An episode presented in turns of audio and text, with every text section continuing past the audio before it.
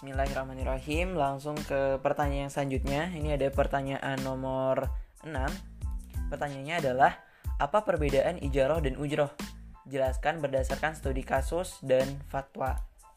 Bismillah, jawaban saya Ijaroh adalah akad pemindahan hak guna atau manfaat suatu barang dalam waktu tertentu dengan pembayaran sewa atau ujroh tanpa diikuti e, pemindahan kepemilikan barang tersebut. Nah, tadi ya, sedangkan ujroh itu adalah upah, gitu kan, e, atau harga yang dibayarkan kepada seseorang atas jasa, kayak gitu. Nah, biar lebih jelas, ini untuk ijaroh itu sudah ada dalam fatwa DSN MUI nomor 112 garing DSN MUI garing 9 garing 2017. Jadi nomor 112 tahun 2017 tentang akad ijaroh.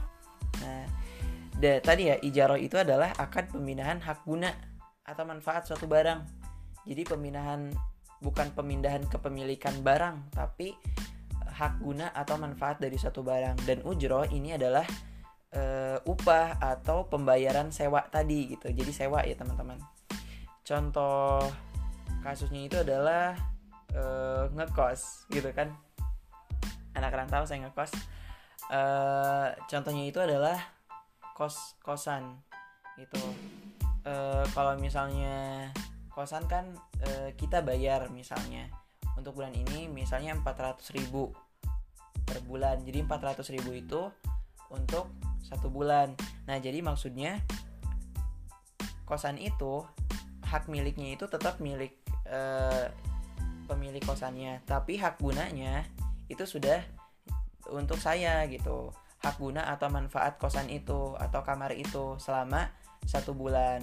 Nah, akad saya atau transaksi saya dengan pemilik kosan adalah ijaroh.